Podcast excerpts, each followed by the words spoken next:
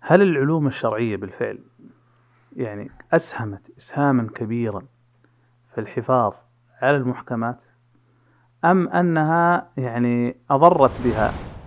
فهذا هو يعني الحاجة المعرفية هي التي ولدت الاهتمام مثل هذه الحقول العلمية. لا لا كانت مثلا في فتية مثلا في فتوى معينة آه، خلاص أصبحت هي مثلا جرى عليها العمل في هذا البلد. م. تكون هي محكم نسبي. نقل إلينا. فمع أنه لا ينبني عليه يعني عمل في الأشياء نتكلم عن أشياء خلقية يعني. ومع ذلك نقلها المسلمون هذا النقل آه، الدقيق. فما بالك بالعلوم الأخرى التي ينبني عليها عمل لعلوم المعيارية مثلا كيف نقلت السنة؟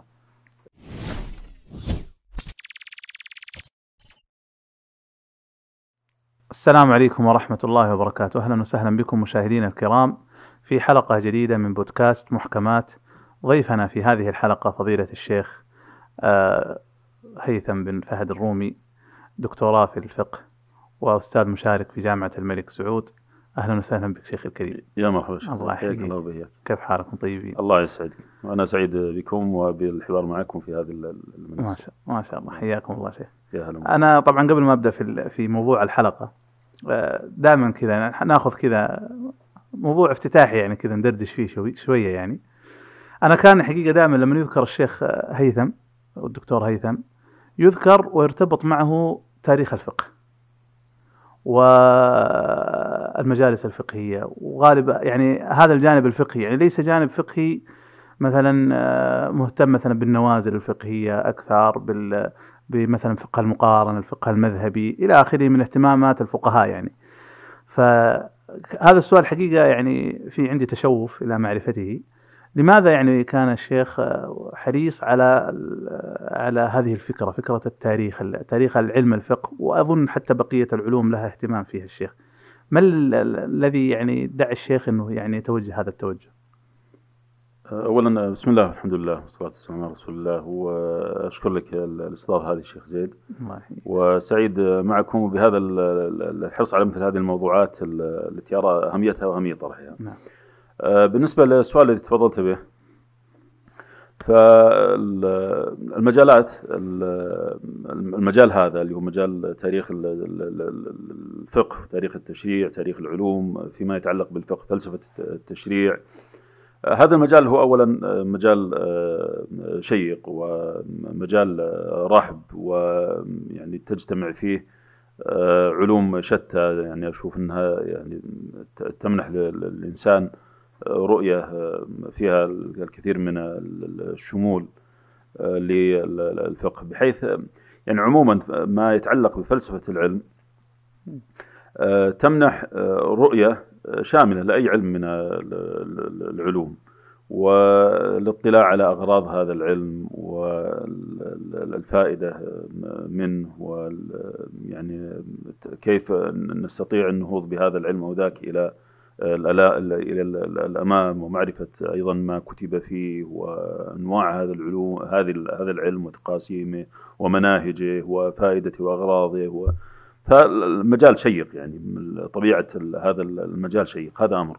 الأمر الثاني فيما يتعلق بالفقه تحديدا آه هذا المجال الحقيقة لم يخدم كثيرا مع أهميته البالغة إلا أنه لم يخدم كثيرا. ولما أقول لم يخدم كثيرا أقصد يعني في زماننا في العصر الحديث. يعني في الزمان الأول كان الوضع التعليمي برمته وضعا مختلفا.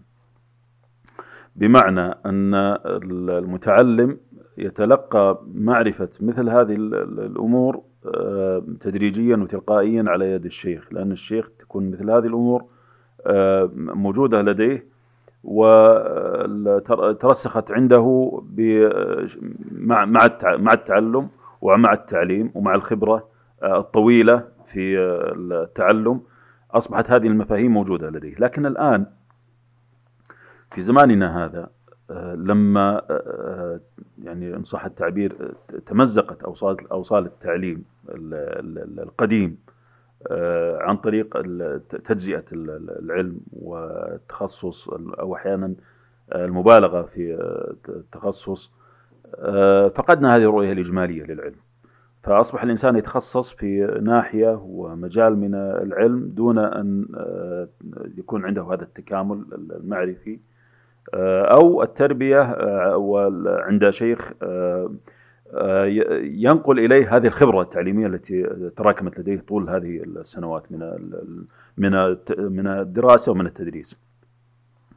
فأصبحت عندنا هذه الفجوة يعني بعد الانتقال من التعليم القديم إلى التعليم الحديث وهذه الفجوة الحقيقة آه، يعني ممكن أن نلاحظ مع وجود هذه الفجوة ظهور ما آه، أصبح يسمى بالمداخل في الجامعات سواء في في الفقه أو في غير الفقه بشكل عام.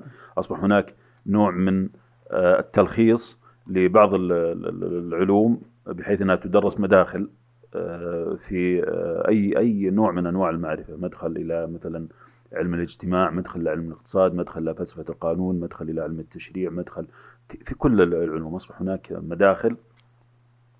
هذه المداخل يقصد بها نوع من آه، التكامل الذي يعني يمنح الدارس المتخصص في مجال من مجالات العلوم بعض الرؤية الشاملة للحقول العلمية مختلفة.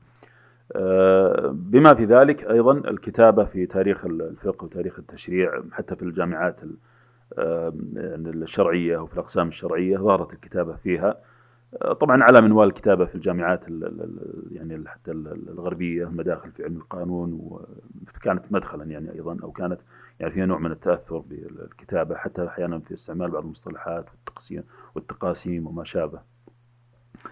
آه، لكن الكلام على أن هذا هذا المجال عندنا في المجال الإسلامي آه، في العلوم الشرعية عموما في العلوم العربية آه، العناية فيها ضعيفة، ما أتكلم عن علم الفقه وتاريخ الفقه يعني على وجه الخصوص بل تاريخ العلوم بشكل عام، يعني فيه ضعف.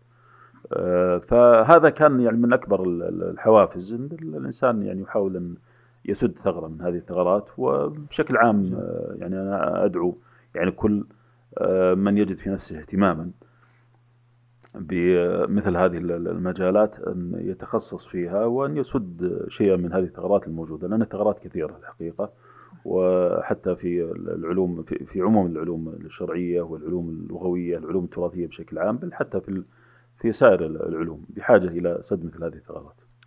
جميل. يعني هي أيضا ما أدري شيخ هل هي كانت أيضا الكتابة في هذه الموضوعات؟ مو بالنسبة لك أقصد بالنسبة لعموم الباحثين. رد فعل لمثلا آه، الكتابات الاستشراقية يعني اهتم المستشرقين قلت زهير وغيره. يعني كان عندهم اهتمام بفلسفة الفقه بتاريخ الفقه بتاريخ التفسير. يعني تقصد تاريخ الفقه على وجه التحديد ولا بشكل عام؟ يعني الاهتمام بالمداخل هذه. هل هي نتيجة مثلا رد فعل عند المسلمين صارت نتيجة رد فعل المستشرقين؟ لا مو بالضرورة. يعني تحتاج إلى يعني ممكن تحليل يعني رؤية أدق في نعم. التحليل. تحتاج إلى تأمل طويل يعني في بيان أسبابها ودوافعها. لكن بشكل عام هو يعني حتى حتى في لما تتكلم عن الجامعات الغربية ما سبب وجود مثل هذه المداخل والدراسات. أنا ما أتكلم عن تاريخ الفقه تحديدا ولا تاريخ التفسير ولا زير وغيره لكن الكلام عن مثل هذه المداخل وجود مداخل آه، إحنا عندنا يعني في لما نتكلم عن العلوم الإسلامية بشكل عام المداخل هذه غير موجودة على النسق الموجود الآن يعني أقصد على على النسق الموجود الآن. بمعنى مثلا المبادئ العشرة اللي يتكلم عنها العلماء في كل علم من العلوم. لما تتكلم لما تريد أن تطلع على شيء في الفقه مثلا شامل للمبادئ العشرة وفيه شيء من التفصيل في الغرض من الفقه. ما تحصل كتابات شافية وكافية للغرض الذي يعني على سبيل المثال يلائم أن يكون مدخلا أو نستصحبه. يعني من من الزمن القديم المتقدم إلى الزمن الحديث بحيث يكون مدخلا لتعلم الفقه بمبادئ العشرة. ما تجد هذا الشيء يعني في الفقه مثلا ممكن أن اجد كتب بل هناك يعني ما هو الإمكان العقلي لا هناك كتب مناسبة لدراسة الفقه. في أصول الفقه هناك كتب مناسبة لدراسة أصول الفقه. طبعا ممكن تختلف وجهات النظر الاتجاهات المدارس فيها المذاهب الفقهية ممكن نختلف فيها لكن الكلام عن أن الكتب موجودة يعني في القواعد حتى في القواعد الفقهية ممكن. في سائر العلوم المخدومة الشرعية واللغوية موجود في كتب مناسبة يعني وهذا ما يدرس في الجامعات الآن. لكن إذا أردت كتاب آه، قديم آه، مناسب للتدريس فيها كمدخل آه، سواء في تاريخ الفقه أو غير في تاريخ حتى في تاريخ اللغة العربية مدخل اللغة العربية. ما هي العلوم التي تدرس في اللغة العربية؟ علم النحو أبغى مدخل إلى دراسه علم النحو تاريخ علم النحو ما في.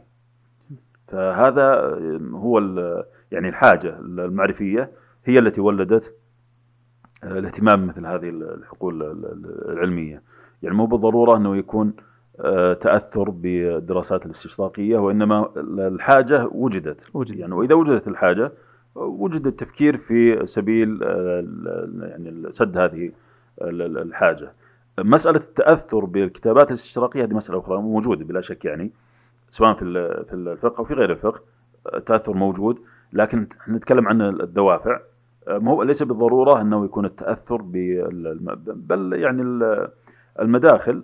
يعني ممكن نقول أن كتابتها خاصة في تاريخ الفقه دعني نتكلم عن تاريخ الفقه.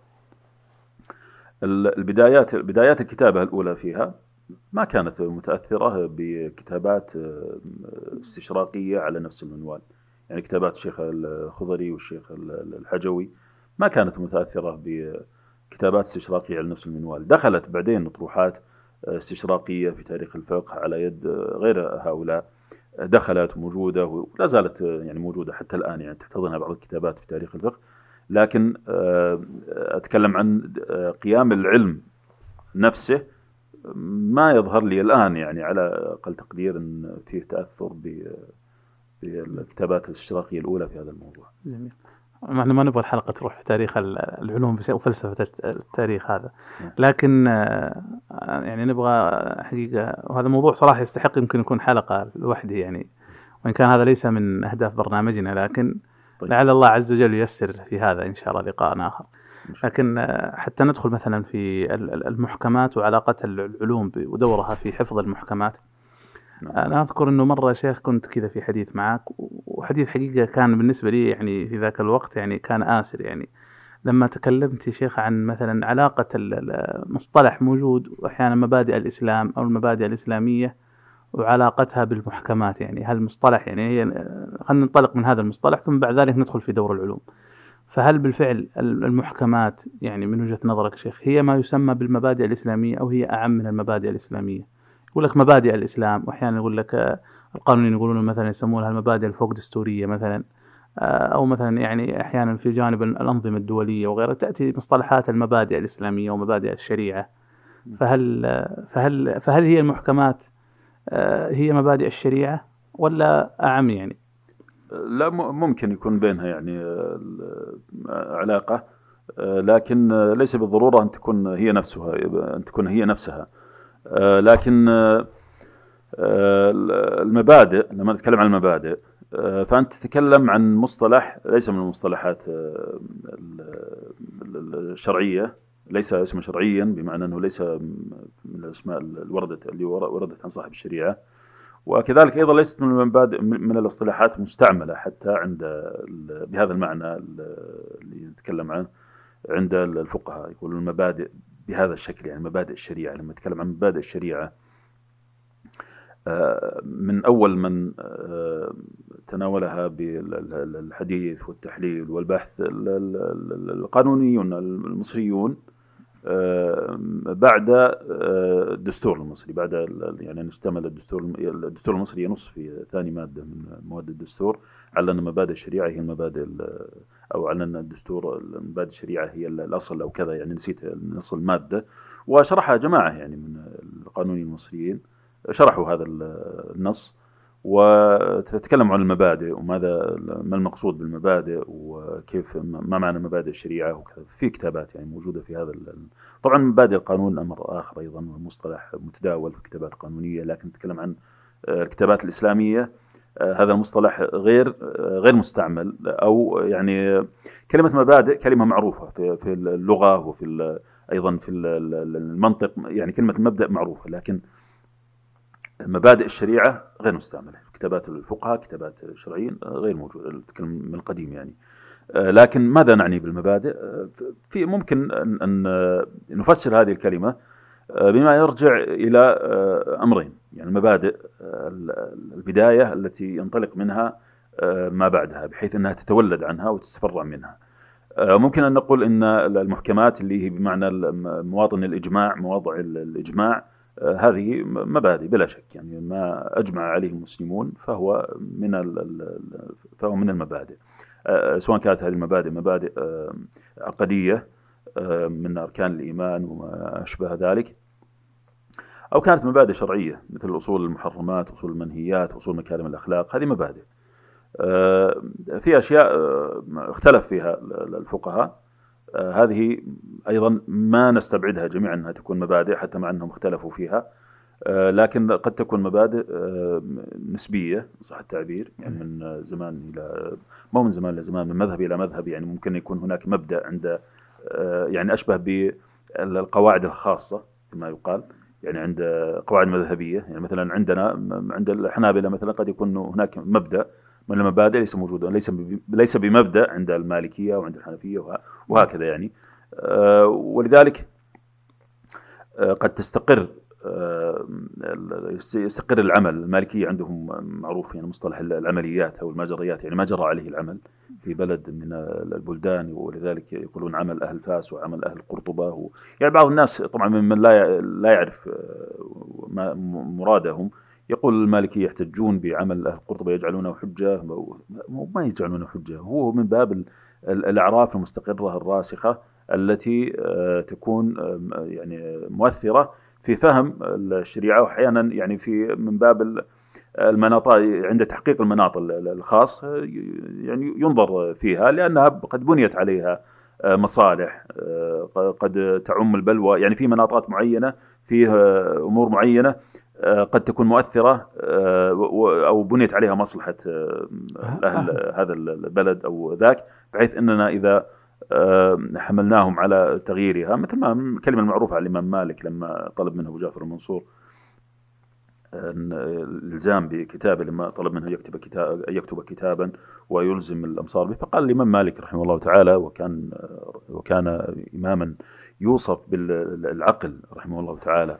فكان قال لا لا تفعل يا أمير المؤمنين فإن يعني قال كلاما مشهورا مفاده أن الأمصار قد سبق إليها علماء وفقهاء وجرت على فقههم ومن من الصعب أن مما يشق عليهم أن تنقلهم عن ما جرى عليه العمل عندهم. أو كما روي عن الإمام مالك روي عنه ذلك بألفاظ شتى مختلفة وسياقات.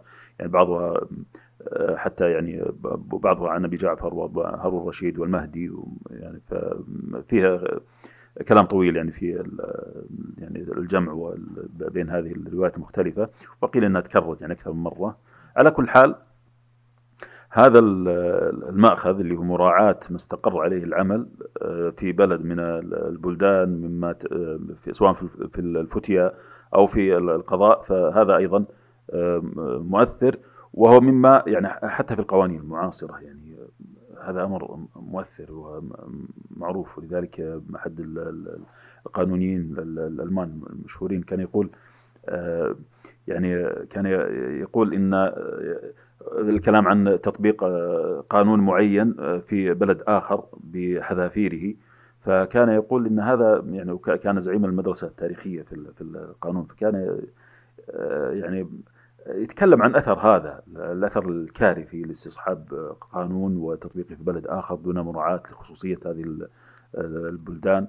فما بالك إذا كان في أمور يعني داخل الشريعة يعني شريعة رب العالمين سبحانه وتعالى حينما تتكلم عن استصحاب قانون مبني على غير المبادئ العقدية وكذلك أيضا الشرعية القائمة عليها. هذا سيكون بلا شك المجال أبعد ويعني أشد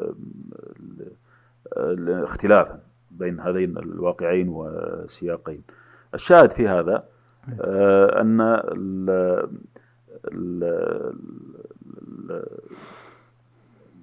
ذكرني يا شيخ زيد إحنا كنا نتكلم عن كنت أتكلم عن اللي هو أن في محكمات خلاص أصبح ليست هي من القواطع الدين والأصول لكنها يعني كنا مثلا نتكلم عن المبادئ أي أي أصول في. الفتية أحيانا مثلا يتفرع بين الحديث بالشيء لا. لا كانت مثلا في فتية مثلا في فتوى معينة آه، خلاص أصبحت هي مثلا جرى عليها العمل في هذا البلد. تكون هي محكم نسبي أي هذا نعم. اللي كنت أتكلم عنه نعم إيه. ثم هو بعد ذلك المبادئ. ذكرت مسألة القوانين الأخرى أي مثلا نعم. اتيان الاتيان أي. بها إلى إلى هذه البلاد إيه يعني المبادئ أنت كنت كنا نتكلم عن كلمة المبادئ ومصطلح المبادئ مم. فمصطلح المبادئ آه، يعني ممكن أن نقسمه إلى هذه القسمين المبادئ اللي هو من قبيل ال- ال- ال- الإجماع الذي لا ينبغي ال- الخلاف فيه هذا أمر والأمر الثاني المبادئ التي استقر عليها ال- ال- العمل نعم. وتكون قائمة على عرف على مصلحة على آه، مثلا آه، عموم بلوى مثلا في أيوة. زمان معين في مكان معين وبنيت عليها مصلحة قوم من الأقوام أو مكان من ال- الأماكن بلد من البلدان. فهذا أيضا ممكن يرجع آه، عنصر المبادئ ممكن أن يعني آه، يوضع توضع مبادئ قائمة على مثل هذه المعاني.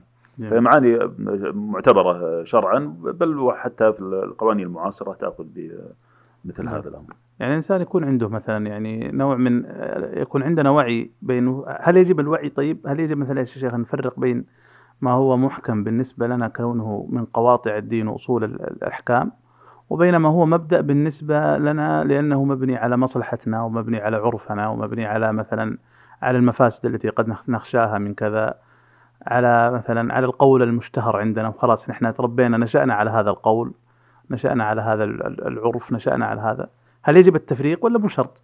يعني مو شرط أن نفرق بينها آه، على مز... على أي مستوى التفريق يعني على مستوى مستوى- على مستوى العلماء العلم. مثلا والفقهاء و... ع- الفقهاء سيكون نعم. عندهم نوع من ال نعم، من ال شك. هذا. لكن عامة الناس مثلا الدعاة طلبة العلم المبتدئين أو يعني حتى نوع من المتخصصين يعني يعني المتخصصون عليهم أن يعرفوا ذلك يعني لكن ال- المتخصص طبعا تعرف أن كلمة المتخصص أيضا هي درجات. فنتكلم إذا تكلمنا عن الفقهاء فلا بد أن يعرفوا مثل هذا ولا بد أن أيضا أن يدرسوا مثل هذا ال- الأمر والفرق بين ال- ال- القطعيات التي لا تقبل الخلاف وما وهذا أمر يدرسه الفقهاء ويعني يتكلمون عنه أن هذا موطن إجماع وهذه رؤوس المسائل الخلافية مشهورة أي. ويدرسها يعني حتى طلاب الفقه يدرسونها والخلاف السائغ وغير السائغ هذا من الأدبيات المشهورة عند طلبة العلم وعند الفقهاء. لكن عامة الناس آه، لا يطلب منهم أنهم آه، يكون مثل هذا الأمر آه، واضحا عندهم لأنك تتكلم عن آه، أناس يعني تكلم عنهم يعني ال- ال- الفقهاء لم آه، لا يطلب منهم إلا معرفة فيما يتعلق بالشريعة يعني ما يطلب منهم إلا ما لا يعني يعذر ال- الإنسان بجهله. هذا هو الحد الأدنى مما يجب عليهم تعلمه. فيعني هل معنى ذلك أن نطالبهم بالتفريق بين ما هو قطعي وما هو ظني وما هو هذا يعني أن تلزمهم بمعرفة شيء لم توجبهم عليه الشريعة يعني هناك أمور يعذر الإنسان بجهلها وهناك أمور لا يعذر الإنسان بجهلها والأمور التي لا يعذر الإنسان بجهلها أيضا هي آه، متفاوتة يعني في أمور التي تتصل ب ما هو مطلوب من كل أحد فعله مثل أركان مثلا أو اعتقاده يعني اركان الايمان واركان ال- ال- الاسلام التي آه، تجب على الانسان في لحظته آه، مثل الطهارة مثلا والصلاة والزكاة إذا كان له مال والصيام إذا وجب عليه والحج إذا وجب عليه والبيع وال- وهكذا يعني. والفقهاء فصلوا في هذا. فهذه هي الأشياء التي يجب على الإنسان معرفتها. أما أن تطالبه بما هو فوق ذلك أن يميز بين ما آه، هو قطعي وما هو آه، ظني ف يعني ما ما. يجب ما يجب عليه هذا. جميل. طيب إحنا نبغى ندخل في العلوم الشرعية. ونبغى مثلا أنا يعني أحيانا لو بشكل عام العلوم قبل مثلا ندخل في تفاصيلها هل العلوم الشرعية بالفعل يعني أسهمت اسهاما كبيرا في الحفاظ على المحكمات؟ أم أنها يعني أضرت بها؟ نقول من حيث أنها يعني أصبحت آه، يعني أصبحت مناخا للجدل الفقهي الجدل ال- ال- ال- ال- المنطقي التفريعات الكثيرة. يعني يعني العلم ممكن لو اختصرنا الإسلام وعلوم الشريعة وأحكام الدين تختصر في في أوراق يعني ممكن أنها تختصر في أوراق ويعرفها كل الناس. يعني حتى بعض أحيانا تنتشر صور في تويتر يجيب لك مم. كذا زي هذه المكتبة. إي ما شاء الله. صور يقول لك شوف كيف كثروا الدين وكثروا. علينا. هل بالفعل ال- العلوم واسهام وكتابات العلماء أكثرت من يعني أصبحت محل الجدل وال- والمناقشة والمناظرة وكذا وفرقت الأمة وأصبحت عندنا مذاهب وأصبحت عندنا آراء. في التفسير مذاهب في الفقه مذاهب في الأصول مذاهب في العقيدة مذاهب في كل شيء مذاهب. هل العلوم أضرت أم؟ لا. يعني لو نظرنا نقول لا بالعكس هي حفظت لنا المحكمات. أنا أتكلم بشكل عام. لو أحد تبنى وقال لا أنا أشوف إنه هذه العلوم الشرعية للأسف كان دورها آه، مضر أكثر من إنه من ولذلك مثلا نطلب التجديد تجديد ال- العلوم والنظر إليها بحيث إنها تقتصر على المحكمات تؤصله تؤسسه. يعني إيش رأيك شيخ يعني؟ والله هذا موضوع في غاية الأهمية. طبعا الجواب عليه كبير يعني. ولذلك. أنت ساعدني على تقسيمه. طيب. طيب. آه، هو دعني أقدم مقدمه ال- العلوم آه، الشرعية بالفعل هي في لما تتكلم عن أصل العلوم الشرعية هي ق- قليلة والعلم مادة العلم الشرعيه آه، يعني ممكن يعني نقول إنها لا أقول قليلة بمعنى أنها محصورة لا هو العلم الشرعي علم عظيم ويعني اثاره في الناس لا تحصر والعلم هو في, في, النهاية علم أعظم العلوم. نتكلم عن أعظم العلوم العلم بالله سبحانه وتعالى والعلم بمعرفه مراده فما ما أتكلم عن مادة العلم أنها محصورة أو أنها لا وإنما أتكلم عن أنه يمكن الإنسان أنه يتعلمها آه، في فترة وجيزة.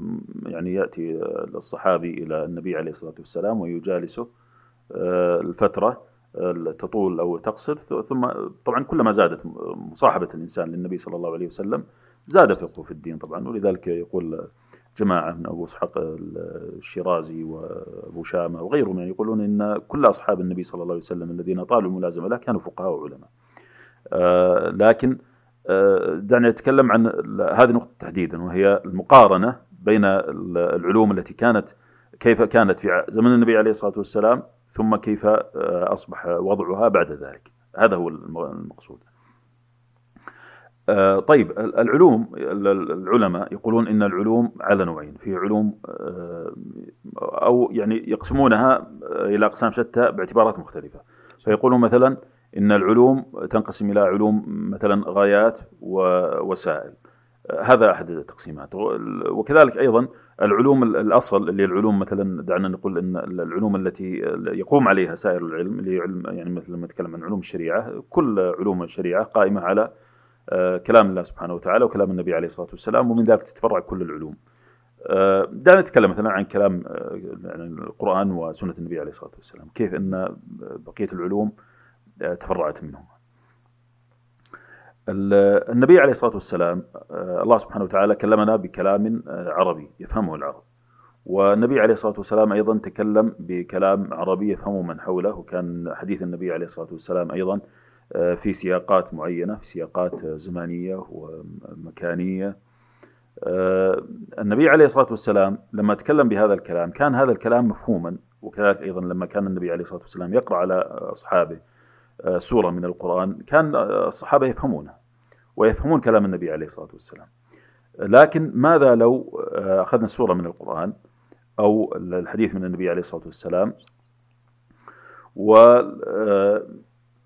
تلوناه على أناس عرب. دعنا نفترض أن أناس عرب يتكلموا بلسان عربي مبين لكنهم لا لم يسمعوا بهذا الكلام من قبل لا السورة من القرآن ولا كلام النبي عليه الصلاة والسلام. هل سيفهمونها؟ سيفهمون القرآن وسيفهمون كلام النبي عليه الصلاة والسلام؟ كما فهمه أصحاب النبي عليه الصلاة والسلام الجواب طبعا لا. لماذا؟ لأن النبي عليه الصلاة والسلام تكلم في سياق. السورة من القرآن في سياق في ولذلك العلماء عنوا عنوا بنقل مثلا أسباب النزول وكذلك أسباب ورود الحديث وغير ذلك. فكان فيه سياق معين حتى تفهم حتى تفهم السورة من القرآن وحتى يفهم كلام الله سبحانه وتعالى كما أراده الله سبحانه وتعالى. الله سبحانه وتعالى كلمنا بكلام والله سبحانه وتعالى يستصلحنا بهذا الكلام. كذلك النبي عليه الصلاة والسلام. طيب هل الله سبحانه وتعالى له يعني يريد منا أمورا؟ يعني الله سبحانه وتعالى يخبرنا بحقائق حقائق في الماضي حقائق في الحاضر حقائق في المستقبل وكذلك أيضا يأمرنا بأوامر ينهانا عن نواهي. ألا له الخلق والأمر. فالله سبحانه وتعالى يخبرنا بحقائق ويأمرنا بشرائع. فهذان أمران ما يتعلق بالعقيدة وما يتعلق بالشريعة. طيب فيما يتعلق بالحقائق. هل الحقائق هذه آه، لها وجود؟ بمعنى أو آه، ممكن أن تتعدد على حسب فهم الإنسان. كذلك أيضا الشرائع الأوامر. هل الله سبحانه وتعالى إذا قال لنا وأقيموا الصلاة هل الصلاة هذه بالفعل صلاة يريدها الله سبحانه وتعالى لها هيئة معينة لها آه، شروط معينة لها أركان لها شروط أو أنها المقصود بها حصول التزكية على هيئة على هيئة على أي هيئة اتفقت؟ الواقع لا يعني علماء المسلمين يعني إذا إذا استبعدنا كلام الباطنية فنجد علماء المسلمين جميعا متفقين لا على أن فيها حقائق وعلى أن الله سبحانه وتعالى يكلمنا بكلام آه، له آه، معنى والنبي عليه الصلاة والسلام يكلمنا بكلام له معنى ونحن نجتهد والصحابة رضي الله عنهم فهموا هذا المعنى. ولما نتكلم عن علوم الإسلام شتى علوم الإسلام آه، نجد أنها أن علماء المسلمين حرصوا على وضع معايير لهذا السياق العلمي السياق الزماني السياق المكاني الذي آه، حصل فيه هذا الكلام الذي تنزل فيه كلام الله سبحانه وتعالى والذي يتكلم فيه النبي عليه الصلاة والسلام بالسنة. فكانت هذه العلوم آه، علوما معيارية لنقل السياق العام. لمثل آه، هذين العلم الوحيين الوحي كلام الله سبحانه وتعالى وكلام النبي عليه الصلاة والسلام. يعني على سبيل المثال دعنا نتأمل في كلام الله سبحانه وتعالى القرآن. حتى في ضبط القرآن في علم علم مثلا التجويد حتى من ناحية الصوت لما يتكلمون عن الغنة الروم الإشمام المدود. هذه هذه العلوم عني بها علماء المسلمين عناية بالغة لأن طبعا هذه الأمور تختلف. من اللغات حتى من الناحيه الصوتيه تختلف من زمان إلى زمان من مكان إلى مكان. لكن ماذا عن الحالة التي كان عليها النبي عليه الصلاة والسلام؟ في كيف قرأ النبي صلى الله عليه وسلم القرآن؟ علم القراءات علم التجويد علوم القرآن بشكل عام حتى من ناحية الرسم الكتابة رسم المصحف هذه علوم معيارية لضبط الحالة التي كان عليها الحال في زمن آه، النبي عليه الصلاة والسلام. كيف تكلم النبي صلى الله عليه وسلم بالقرآن؟ علم القراءات كل هذا آه، هذا العلم ينقل لنا علم القراءات مثلا علم التجويد هذه العلوم علم رسم المصحف علوم القرآن بشكل عام تنقل لنا كيف آه، حفظ كيف حفظ الله سبحانه وتعالى القرآن لأن الله سبحانه وتعالى لما حفظ القرآن ما أنزل ملائكة يمشون بيننا وإنما حفظه عن طريق آه، هؤلاء العلماء. الله سبحانه وتعالى يستعمل من عباده ومن خاصة خلقه وعلمائه وأصفيائه وأوليائه من يسخرهم في خدمة دينه.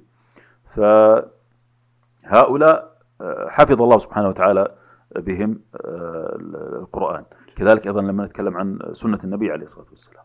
كيف حفظت هذه السنة؟ وكيف حفظها هؤلاء؟ كيف سخر الله سبحانه وتعالى هؤلاء الخلق؟ كم يعني في بعض المحصين يعني يقول إن كتب الجرح والتعديل تشتمل على ترجمة أكثر من نصف مليون إنسان. علم علم الجرح والتعديل هو علم إسلامي يعني نقل بل علم الرواية بشكل عام. علم الرواية يعني ما يعرف العالم آه، علما آه، صنع لأجل نقل لأجل ضبط كلام إنسان من الناس آه، قبل النبي عليه الصلاة والسلام. حتى الأنبياء. الأنبياء يعني دعنا من الناس عموم الناس حتى الأمم آه، ذات رسالات. اليهود والنصارى. ما عندهم علم يحفظون به كلام أنبيائهم مثل علم المسلمين. هو علم إسلامي يعني كلام موسى عليه السلام هل نقله اليهود كما نقل المسلمون كلام النبي صلى الله عليه وسلم؟ هل عند المسل... اليهود علم للرواية ومصطلح الحديث مثل ما عند المسلمين؟ هل عند النصارى كذلك؟ بل النصارى بل دعنا من كلام موسى وعيسى عليهم السلام. آه، كلام الله سبحانه وتعالى في التوراة والإنجيل. هل نقلوه كما نقل المسلمون؟ لا أقول كلام الله سبحانه وتعالى بل كلام النبي صلى الله عليه وسلم. يعني ما نقلوا كلام الله سبحانه وتعالى كما نقل المسلمون كلام نبيهم صلى الله عليه وسلم. هذا الحرص عند المسلمين. أولا حرص الصحابة رضي الله تعالى عنهم.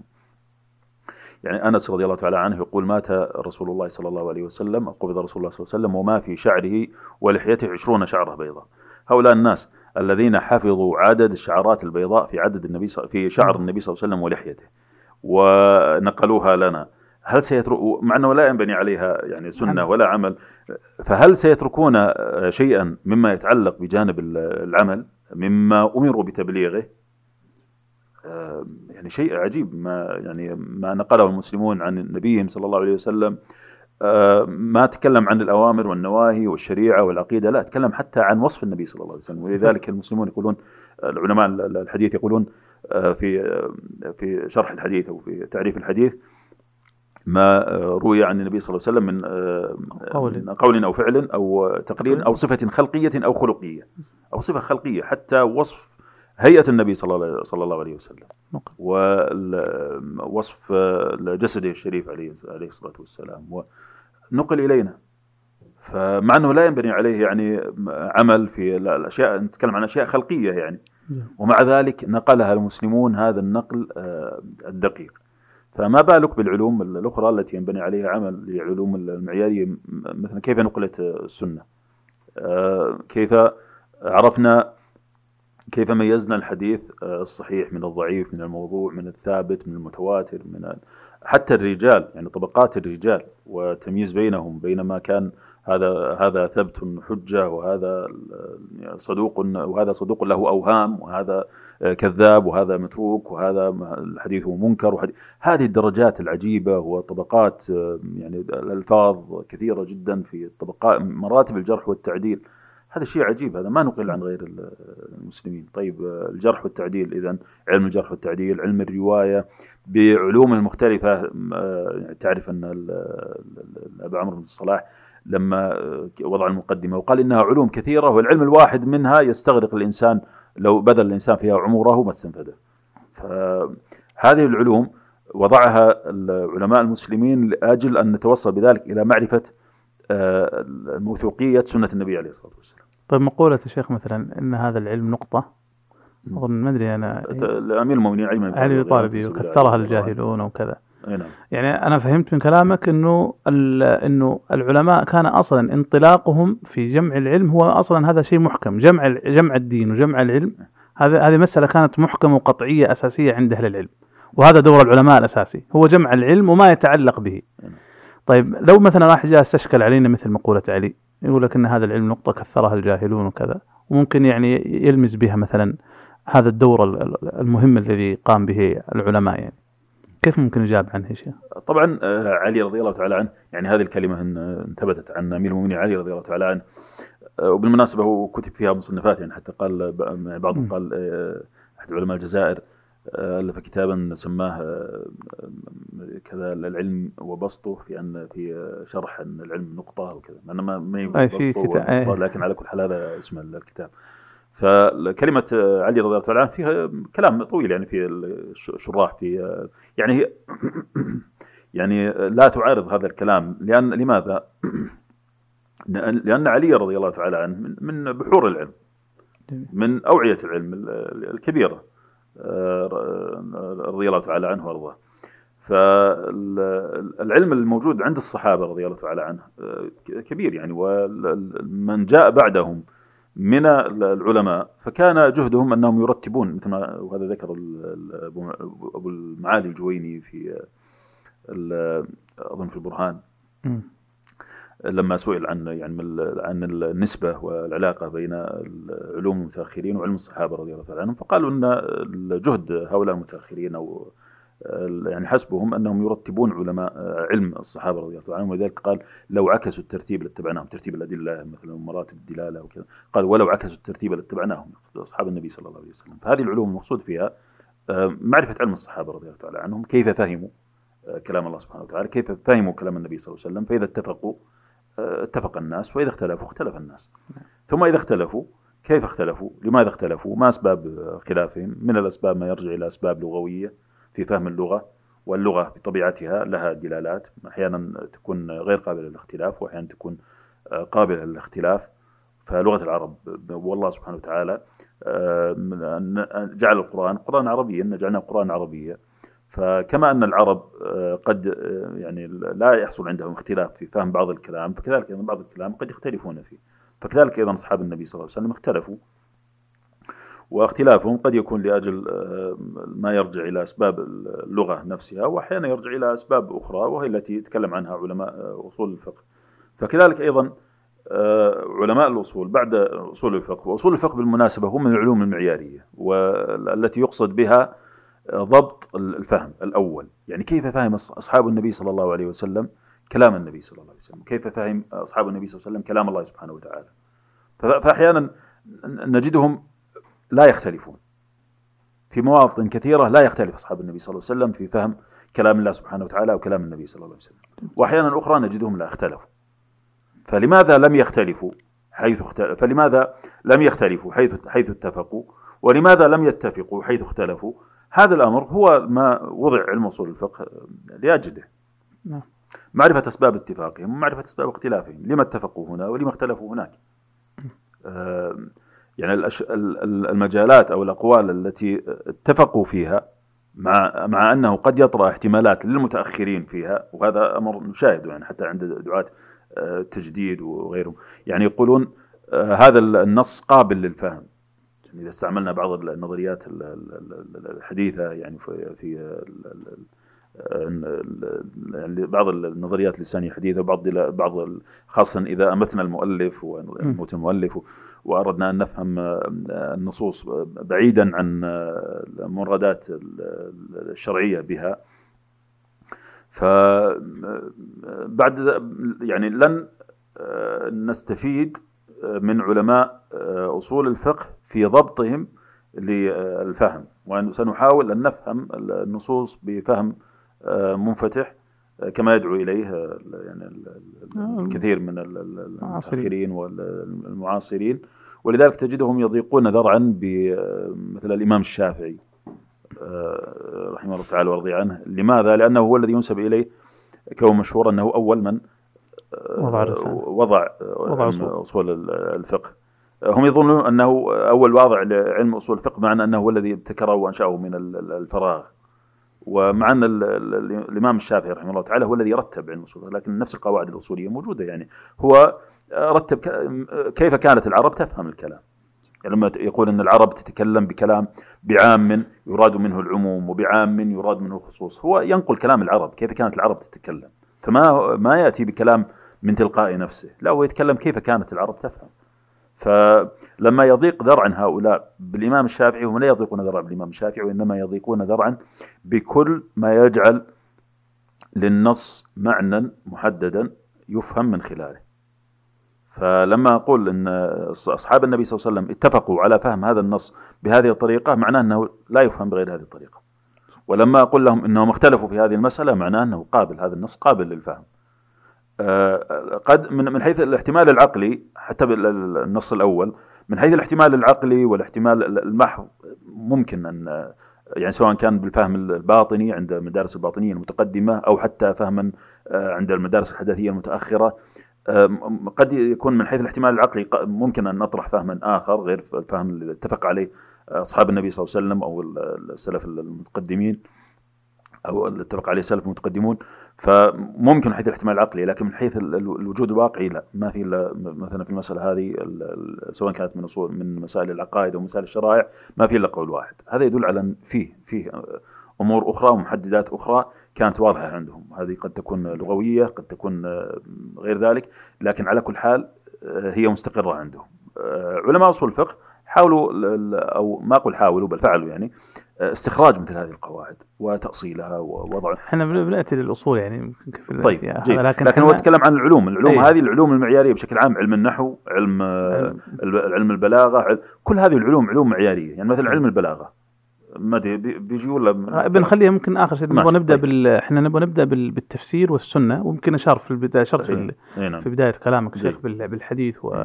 والسنة لكن خلينا نبدأ مثلا بالتفسير بالفعل كيف أسهم؟ يعني إحنا لما نجي ننظر إلى آية المحكمات هن ايات هن أم الكتاب منه ايات محكمات هن أم الكتاب وأخر متشابهات.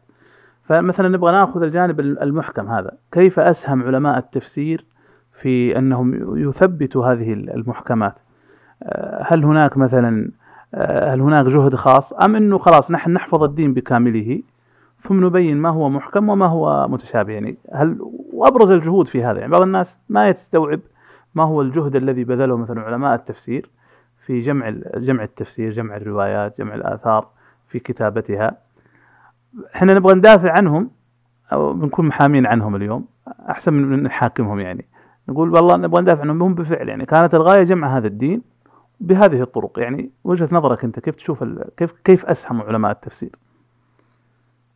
طبعا التفسير آه، المقصود به ماذا؟ تفسير كلام الله سبحانه وتعالى. جميل. طيب كلام الله سبحانه وتعالى آه، منه آه، طبعا معروف اثر ابن عباس رضي الله تعالى عنه لما قال إن كلام الله سبحانه وتعالى في القرآن على أربعة أنحاء منه ما تعرفه العرب في كلامه ومنه القسمة الرباعية المشهورة. فيه شيء واضح يعني ما يختلف في فهمه وهذا يعني ممكن أن يقال إنه من المحكمات. يعني ما اختل لم يختلف المفسرون في فهمه وفي شرحه و... يعني مثلا قل هو الله أحد. هذه ما فيها يعني. الكلام بعض الآيات ما يختلف في فهمها وإنما يعني يمرون عليها ويبينونها وممكن يتكلمون عن بعض يعني النكات أحيانا التفسيرية وبعض الفوائد وما إلى ذلك. لكن أحيانا في بعض ال يعني الآيات قد ينقل عن السلف خلاف فيها وهذا أمر مشهور وهذا الخلاف قد يكون خلاف آه، تنوع قد يكون خلاف آه، تضاد نعم. فهذا أيضا تكلم كله منقول عن علماء التفسير علماء السلف ممن نقلت ممن كان لهم عناية بالتفسير لأن ليس كل العلماء لهم عناية بالتفسير بل المفسرون معروفون ومشهورون. فمتى كانت الآية قابلة آه، لتعدد التفسير؟ وجدنا عن علماء آه، التفسير من علماء السلف من نقلت عنهم أهل التفسير. آه، وجدنا هذا التعدد في التفسير. طبعا هناك أقوال شاذة. مثل ما نقول في الفقه هناك أقوال شاذة يعني حتى لو كانت متقدمة فكذلك أيضا في التفسير هناك أقوال شاذة. وهذا أيضا تكثر علماء التفسير ببيانه وتوضيحه وهناك يعني قواعد لمعرفة الأقوال الشاذة لكن نتكلم عن عموم الأقوال الأصل أنه متى اختلف السلف رحمه الله تعالى ورضي عنهم في إذا اتفقوا على التفسير فأيضا اتفاقهم حجة إذا أجمعوا على أن هذه الآية المراد بها كذا. خلاص انتهينا. ينصون على هذه الإجماعات. يأتي فيها نص مثلا في التفاسير أنه والله هذه الآية مجمع على معناها كذا أو لا خلاف في أن الآية بمعنى كذا. ينصون عليها. وكذلك أيضا إذا اختلفوا ينقل عنهم الاختلاف لكن أحيانا طبعا الخلاف نفسه يكون على درجات أحيانا يكون من قبيل خلاف التنوع واحيانا ولا العلماء شيخ المفسرين بن جرير الطبري رحمه الله تعالى لو عناية بذلك وأنه يقول يعني مثلا قد يعني تكون اختلافاتهم راجعة إلى معنى واحد واحيانا نعم. لا تكون معاني مختلفة هذا هو علم التفسير يعني بشكل عام هو عناية العلماء المفسرين طبعا لما نتكلم عن المفسرين المتأخرين دخلت عليهم دخل عليهم مادة من الخلاف غير السائغ سواء كنا نتكلم عن طبعا التفسيرات الباطنية هذه نتكلم عنها لكن نتكلم عن التفسيرات غير المنقولة عن السلف بمعنى بيان الآية يعني بيان المراد من الآية. ما نتكلم ما نتكلم عن مستوى أعلى من هذا اللي هو يعني الاستنباط من الآية وكذا هذا أمر آخر لكن نتكلم عن بيان معنى الآية. فهذا تكفل به العلماء المفسرين من السلف أعني أئمة التفسير ثم بعد ذلك المفسرين الكبار ممن صنفوا في ذلك كابن أبي حاتم وابن جرير الطبري وغير وغيرهم من المفسرين الكبار. طيب هل هناك مثلا مؤلفات معينة في التفسير مثلا كان أكثر على يعني ليست متوسعة في الخلافات بل كانت تركز على توضيح معاني القرآن؟ لأنه توضيح معاني القرآن مثلا محكم. يعني هذا بيان معاني القرآن هذا أمر محكم. فمثلا يعني اكتفت ببيان معاني القرآن مثلا. أبرز حتى يستفيد المشاهد, المشاهد يعني. ويقول والله نبغى مثلا أرجع إلى تفسير. خلاص يعني بغض النظر عن الخلافات هو إما يعطيني محكما واضحا ثابتا أو محكما يعني نسبيا خلينا نقول. فمثلا إيش في ممكن تفاسير تفيد يعني المشاهد أو المستمع لهذه الحلقة؟ وحقيقة شيخ زيد أنا ما أدري يعني كيف آه، يعني يمكن أن التفاسير آه، سيظل الخلاف موجودا فيها. جميل. ف... ولا يضر المحكمات هذا الخلاف. ما يضر المحكمات لأن المحكمات ستتفق جميع التفاسير على تفسيرها على لن يختلفوا في تفسير الآيات المحكمة لن يختلفوا في تفسيرها. ف... لكن تظل بعد ذلك الآيات اللي يكون فيها في تفسيرها خلاف. سيظل الخلاف موجودا موجودا. يعني حتى لو يعني اقترحنا بعض التفسيرات بعض التفاسير المختصرة مم. سينسحب هذا الخلاف إلى التفاسير المختصره فتجد بعض التفاسير المختصرة رجحت قولا يعني مثلا قول فلان من ائمه المفسرين من السلف وبينما التفاسير الأخرى رجحت قولا آخر. فسيظل هذا الخلاف منسحبا حتى على مستوى التفسيرات. كان كما هو موجود في التفاسير المطولة هو موجود في التفاسير المختصرة. فلذلك لا حرج على الإنسان إنه إذا كان الكتاب يعني متداولا ومعروفا بين العلماء و آه، لم يكن يعني من التفاسير التي توصف بانها كثيرة المخالفة أو كثيرة مثلا تحتوي على أقوال شاذة وكذا فالأمر فيه سعة وهذا من رحمة الله سبحانه وتعالى. اي جميل.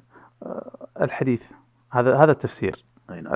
الحديث يعني دائما مثلا هل يعني أسهم الحديث بالفعل في حفظ المحكمات؟ علم الحديث عموما سواء كان ما يتعلق بآلته ووسائله كعلم الرجال مثلا وعلم المصطلح وكذا أو نفس جمع جمع الأحاديث وكذا. يعني أنا مثلا دائما أشعر كذا شيخ عشان بس أوضح الفكرة اللي في بالي. تبويبات العلماء في كتب الحديث أشعر أنها منطلقة من المحكمات يعني مثلا كتاب الصلاة. الإيمان. يعني أشعر أنه فيه انطلاق من هذا الإحكام. فهل توافقني يا شيخ في هذا النقطة؟ وكيف أسهم علماء الحديث في حفظ هذا العلم وحفظ المحكمات التي تحتويه يعني؟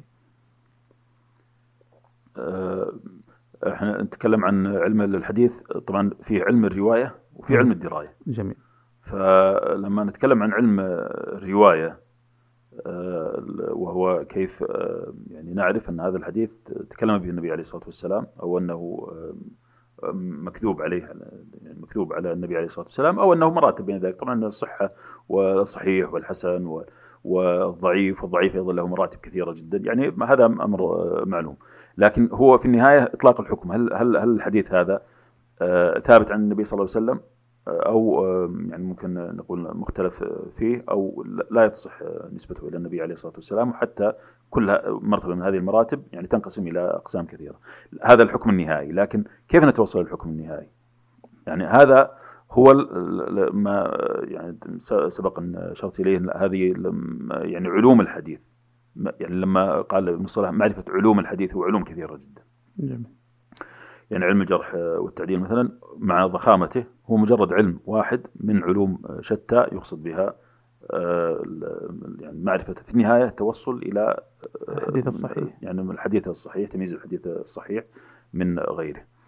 آه، علماء الحديث الذين تصدوا تصدوا لنقل حديث النبي صلى الله عليه وسلم أو دعنا نقول رواة الحديث الذين تصدوا لرواية حديث النبي صلى الله عليه وسلم ونقله هؤلاء كثر جدا. ولذلك آه، كان هناك من العلماء آه، من العلماء من تصدى لفرز هؤلاء. وكذلك أيضا ظهر علم العلل. علم العلل أيضا من العلوم المعيارية التي ظهرت لضبط العلل الخفية في الحديث تقدح ربما يكون الحديث في صورته. وهذا يعني يؤكد على أن هذا يعني من العلوم الإسلامية أيضا. في صورته صحيح وهذا علم منهجي يعني حتى بالمناسبة يعني آه، في المنهج التاريخي الحديث المنهج التاريخي آه، يمكن في كتاب معروف متداول مؤخرا يعني ظهر يعني حتى طبع طبعات كثيرة للدكتور أسد رستم. الدكتور أسد رستم ليس مسلما ونصراني وكتب كتابا مشهورا كتيب صغير يعني يعني من الكتب التي ينصح بها للمقارنه والموازنة بين المنهج التاريخي آه، الحديث وبين علماء المسلمين. الحقيقة أسد رستم قال إن هذا المنهج المنهج التاريخي آه، يعني آه، هو هو كان ما كان موجودا عند علماء الحديث المسلمين. يعني كيف؟ ضبط هذا الضبط الدقيق جدا لرواية الأحاديث وإعمال المنهج التاريخي النقدي في روايتها كان كيف كان موجودا في عهد في عصور متقدمة في قرون متقدمة نتكلم عن عن قرون الرواية يعني القرن الأول والثاني والثالث بشكل دقيق جدا حتى أنه في هذا الكتاب كتيب صغير يعني منه كبير. استخرج بعض هذه الأصول والقواعد من كتب المصطلح كتب رواية الحديث ويعني كتاب لطيف يعني في الموازنة بين هذين في كتب أخرى أيضا متميزة لكن يعني يمكن ليست مجال مناسبه لعرضها. لكن الكلام عن أن هذه المناهج مناهج متقدمة وهي وهي علوم معيارية. علوم معيارية لضبط الرواية. آه، المقصود بها ماذا؟ يعني دعنا نربطها بقضية المحكمات واليقين. الوصول المقصود بها الوصول إلى درجة ال ال اليقين مثلا دعنا نقول اليقين في هذه الرواية. يعني هذه اليقين هل هذه الرواية ثابتة عن النبي صلى الله عليه وسلم؟ أو ليست ثابتة؟ آه، أو أقل من ذلك؟ يعني ما درجة الثبوت. يعني الثبوت في هذا ولذلك كانوا يقولون يعني مثلا الإمام أحمد آه، رحمه الله تعالى كان يقول أن يحيى بن يحيى آه، الإمام كان يقول يحيى بن يحيى كنا نسميه الشكاك. لكثرة شكه في الحديث. وش معنى لكثرة شكه في الحديث؟ يقول الذهبي المقصود أنه إذا شك في لفظ تركه. ترك الحديث. إيه ترك الحديث. إذا شك في لفظ ترك الحديث. ولذلك كان يقول عبد الله بن طاهر أمير خراسان كان يقول شك يحيى بن يحيى عندنا يقين. لا إله. بكثرة فكانوا كانوا يشكون بمنهج منضبط. فإذا لاح لهم اليقين استيقنوا. خلاص يعني ماذا بعد الحق إلا الضلال. إذا وصلت إلى مرتبة اليقين فالشك بعده آه، نوع من الضعف العقلي. يعني الشك في ذاته آه، ليس مما آه، يتمدح به الإنسان أو لا هو الشك يمتدح به الإنسان إذا كان سبيلا للوصول إلى اليقين. لكن إذا وصل اليقين خلاص فالشك بعده مرض. ولذلك يقول أبو, أبو عثمان الجاحظ يقول من عود قلبه التشكك اعتراه, اعتراه الضعف أو اعتبره الضعف.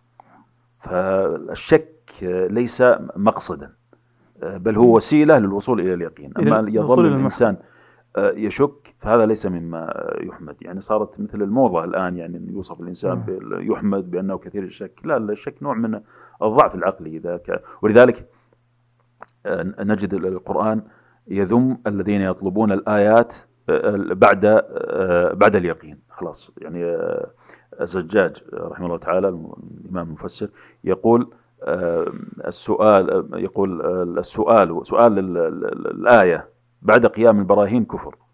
سؤال الآية بعد قيام البراهين. ولذلك شو قصة المائدة مثلا؟ لما قال قالوا قال يا عيسى هل يستطيع ربك أن ينزل علينا مائدة من السماء؟ قال لهم عيسى عليه السلام. قال قال اتقوا الله إن كنتم مؤمنين. لكن قالوا ماذا؟ قالوا نريد أن نأكل منها. وتطمئن قلوبنا. يعني نصل إلى درجة اليقين. آه، يعني ما هو يعني مثل ما أعلى من العين اللي تعرف العلماء لما قالوا عين اليقين وحق اليقين و فنريد أن نأكل منها وتطمئن قلوبنا ونعلم أن قد صدقتنا ونكون عليها من الشاهدين. آه، فالشاهد أن لكن سؤال الآية بعد قيام البراهين على صدق النبوة هذا يعني مما يعاب به الأقوام.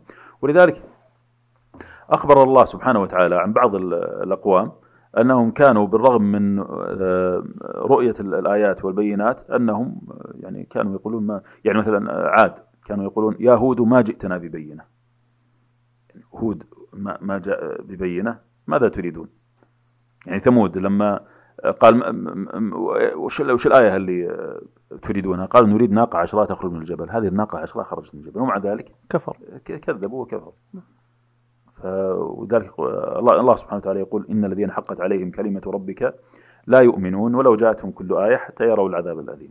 فقضية الشك هذه إذا وصلت إلى هذه الدرجة من المرض فهذه ليست منهجا معرفيا صحيحا يعني الإنسان يطلبه ويعمل يعني يعمل على توليده وعلى إيجاد يعني آلية له. لا في درجة من الشك ضرورية لأجل الوصول إلى اليقين لكن إذا وصلت اليقين خلاص الشك بعده مرض. فالشاهد يعني كنت نتكلم عن كلمة الشكاك الإمام أحمد لما قال يحيى. بن يحيى قال كنا نصفه بالشكاك هذا المقصود. ولذلك كانوا يقولون حتى حتى في في خلاف الفقهاء وإن كان يعني معلش إحنا خرطنا ما خذ راحتك. لكن لكن الإمام مالك مثلا يقول رحمه الله تعالى ورضي عنه يقول آه، إذا اشتبهت عليه إذا وردت عليك الشكوك فخذ بالذي هو أوثق. والإمام أحمد رحمه الله تعالى في المسائل آه، قال آه، إذا اشتبه عليك الأمر الأمر فدعه. فكانوا يشكون مثل ما قلت بمنهج من- منضبط يعني لكن خلاص إذا تبين لهم اليقين استيقنوا. فاليقين هو الحالة حالة من الطمأنينة آه، العلمية والمعرفية والنفسية. ولذلك الله سبحانه وتعالى قال ألف لام ميم ذلك الكتاب لا ريب فيه هدى للمتقين الذين يؤمنون بالغيب. في حالة من الطمأنينة آه، عند يعني إذا توصلت إلى أمر من الأمور بواسطة ال- اليقين يعني لا بأس بعد ذلك أن تشك فيما ينبغي فيه الشك. أما الشك فيما لا ينبغي فيه الشك وطرح اليقين بغير يقين فهذا مرض لكن آه، إذا آه، شكيت فيما ينبغي فيه شك حتى أصل إلى اليقين فهذا آه، لكن بعد اليقين لا يجوز. أن تشك بعد بعد ال- ال- ال- اليقين جميل. هذا الشك بعد ال- اليقين هذه حالة مرضية عذرا شيخ أنا طلت على الدكتور. على هذه الفقرة لكن ال- علماء الحديث علوم الحديث هي بشكل عام علوم الحديث كان المقصود بها يعني كانوا آه، فيه حالة آه، يعني شك في الرواية حتى نصل إلى اليقين. يعني كانوا يشكون مثلا في الراوي آه، الراوي هل هو هل هو ثبت ما هو ثبت هل هو عدل ما هو عدل و... لكن في النهاية إذا تحققت الأوصاف من حيث العدالة ومن حيث الثبوت و... طي- طيب ننظر في قضية اتصال السند و... هذا ال... ال- ال- القواعد. الضوابط والقواعد والشروط التي وضعها آه، علماء المسلمين لقبول الأخبار. ف... وأيضا قضية نقد ال- ال- السند ونقد المتن أيضا و... ففيه عندنا آه، معايير لقبول ال- الأخبار. لكن إذا وجدت هذه المعايير خلاص نقبل الخبر. ولذلك البخاري رحمه الله تعالى يقول جمعت هذا الصحيح من من كم؟ يعني يعني هذا هذه الأحاديث التي آه، جمعها الإمام البخاري جمعها من مئات الآلاف من من الاحاديث المقصود الأسانيد طبعا وليس المقصود يعني رؤوس ال- ال- المتون يعني وانما المقصود- الأسانيد. والإمام البخاري رحمه الله تعالى نعرف منزلته في ال- ال- العلم ونعرف يعني متى كان آه، يعني ما- هي ال- إذا تكلمنا عن مستوى الحفظ إذا تكلمنا عن مستوى ال- ال- العدالة إذا تكلمنا عن تكلم في الإمام. البخاري وغيرهم وغيرهم من علماء ال- ال- الحديث. تكلم عن مستوى عالي جدا. حتى الفقه والفهم. حتى الفقه لكن نتكلم عن ضبط حديث النبي صلى الله عليه وسلم. أيضا. حتى علماء ال- ال- ال- الحديث قضية ال- ال- العلل الذين برزوا في علم العلل أيضا. حتى علماء العلل أنفسهم كانوا يسلمون لبعض بعضهم لبعض في علم العلل. يدل على أنه ماذا؟ يدل على أنه في النهاية علم معياري منضبط ولذلك أب- أبو زرعة أظن أو ابن أبي حاتم أو أبو حاتم أحدهما. يعني كان يقول بعضهم يعني بعض من يعترض عليهم يقول كيف كيف يعني آه، تردون بعض ال- الأحاديث هكذا فكانوا يقول شوف يعني علامة ال- ال- صدقنا أنك تجد أناس مختلفين آه، أنا في في البلد الفلاني وفلان في البلد الفلاني وفلان في البلد الفلاني اعرض عليهم أي حديث فكلهم يقول لك هذا هذا الحديث فيه كذا ولا هذا الحديث مقبول ولا هذا مما يدل عن فيه معايير يعني آه، اللي هي اللي هو علم العلل. ولذلك عبد الرحمن بن مهدي رحمه الله آه، رحمه الله تعالى ورضي عنه وهو من أئمة أهل الحديث ويعني يوصف بانه امير المؤمنين في الحديث وكذلك أيضا من أئمة ال- ال- العلل. آه، كان يقول آه، يعني في علم ال- العلل كان يقول إذا رآه من لا يعلم ظنه يعني أشبه بال ال- يعني يقولون أشبه بالكهانة. يعني آه، يقول آه، تذهب إلى الصيرفي فيقول لك هذا هذا الدرهم آه، زيف أو نبهرج أو أنه صحيح أو أنه يقول من خلال الخبرة وطول الممارسة و... فكذلك أيضا علماء الحديث. يعني يكتسبون الخبرة من طول ال- ال- الممارسة. فتولدت عندهم هذه القواعد. طبعا هذه القواعد كثير منها صاغها المتاخرون لكن نتكلم عن الملكة. دائما تكون في البداية آه، موجودة لكن يصوغها المتأخرون فيما بعد آه، يعني عن طريق قواعد ومنهجية مضبطة. جميل. آه قبل كم يوم حسابنا في تويتر إحنا غردنا آه يعني غردنا في مرة عن عن عن الأربعين نووية هذا الكتاب الصغير يعني. العظيم. إي نعم. أشعر أنه كتاب آه، جمع المحكمات. يعني كان يعني ما أدري هو قصدها الإمام هو بلا شك قصدها يعني. جمع أصول ال- ال- الأحاديث أو قواعد القواعد من السنة النبوية في جميع الأحكام والعقائد والأخلاق. إذا عندك تعليق مثلا على الأربعين والاهتمام بها وأيضا إذا كان هناك في الحديث كتب مشابهة أيضا للأربعين في في جمع مثلا أبرز الأحاديث أهم الأحاديث الأكثر يعني قطعا ليس من ناحية السند لكن أقصد من ناحية المعنى وال- والفقه. وبلا شك إن كتاب ال- ال- الإمام النووي رحمه الله تعالى الأربعين النووية طبعا هو هو النووي رحمه الله آه، هو أتم ما قبله يعني هو بدأ بها من قبله وطبعا أبو عمرو بن الصلاح آه، كتب يعني مجموعة والله نسيت العدد بالضبط يعني لكن كتب مجموعة من هذه ال- ال-. الأحاديث و- والنووي رحمه الله تعالى أتمها وكتب 42 حديثا واشتهرت باسم الأربعين النووية وبعض العلماء اضاف إليها طبعا مشهور إضافة الحافظ ابن رجب رحمه الله تعالى نعم. في كتابه جامع علوم الحكم الذي شرح فيه الأربعين النو... آه، 42 الحديث التي جمعها النووي وزاد عليه ثمانية أحاديث أيضا آه، رأى اندراجها في هذه الجوامع الكلم لكن الشاهد أن هذه الأربعين النووية التي آه، اشتهرت نسبتها إلى الإمام النووي رحمه الله تعالى آه، لا شك أن هذا ال- آه، المقصد موجود فيها إنها من جوامع الكلم، هذا معنى إن نقول جوامع الكلم، ما معنى جوامع الكلم؟ النبي صلى الله عليه وسلم يقول أوتيت جوامع الكلم، وفي حديث عند الدار قطني قال واختصر واختصر لي الكلام آه، اختصارا. فما معنى ذلك؟ معنى ذلك انه المعاني العظيمة أنها تكون في ألفاظ آه، يسيرة. فعموم العقائد والشرائع والأخلاق والآداب في هذه ال- ال- الأحاديث ال- الأربعين التي آه، يعني جمعها الإمام النووي آه، عظيمة جدا ولذلك شرحها شراح بشروح آه، كثيرة جدا. لا تكاد تجد لا تكاد تجد آه، امام من الأئمة الكبار المشهورين الفقهاء المتأخرين طبعا بعد الإمام النووي إلا وله تعليق عليها ولا شرح ولا إضافة ولا إشارة إليها. و- فشروحها كثيرة جدا يعني شروح ال- الأربعين النووية. مم. آه، فهذا الاهتمام البالغ بها يدل على ملاحظة هذا المعنى. ملاحظة هذا المعنى. ولذلك آه، لما قال ال- يعني دعنا نتأمل في تسمية ال- الحافظ بن رجب لكتابه في شرح الأربعين. يقول جامع العلوم والحكم. جامع العلوم والحكم فعلا. يعني لما تتأمل في كتاب الحافظ بن رجب فيه من ال- العلوم ما يدهش. يعني ليس آه، هذه الاحاديث التي يتكلم عنها الحافظ ال- ال- عفوا التي جمعها الإمام النووي ثم شرحها الحافظ بن رجب.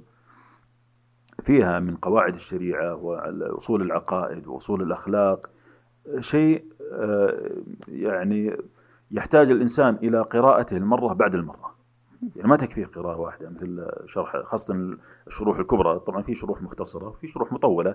فإذا تكلمت عن الشروح المطولة ومن أجلها وأفضلها شرح الحافظ بن رجب رحمه الله تعالى وخاصة إنه أضاف إليه يعني ثمانية أحاديث أيضا انها يعني مناسبة ليتمم بها الخمسين يعني من. جوامع الكلم. فهذا الحديث هذا الكتاب العظيم يعني آه، يعني يحتاج إلى إعادة بعد إعادة لما اشتمل عليه من آه، العلوم والحكم. بالفعل هو جامع العلوم والحكم على اختصاره ووجازته يعني بالنسبة أقصد لكتب الحديث الشروح المطولة. آه، لكن مع ذلك فيه من العلوم شيء ال- ال- الكثير. يعني من كتب مناسبة للبيوت يعني أنها تكون قريبة من أهل البيوت وأنهم آه، يتدارسونها وأنهم يكررون قراءتها من فترة بعد أخرى.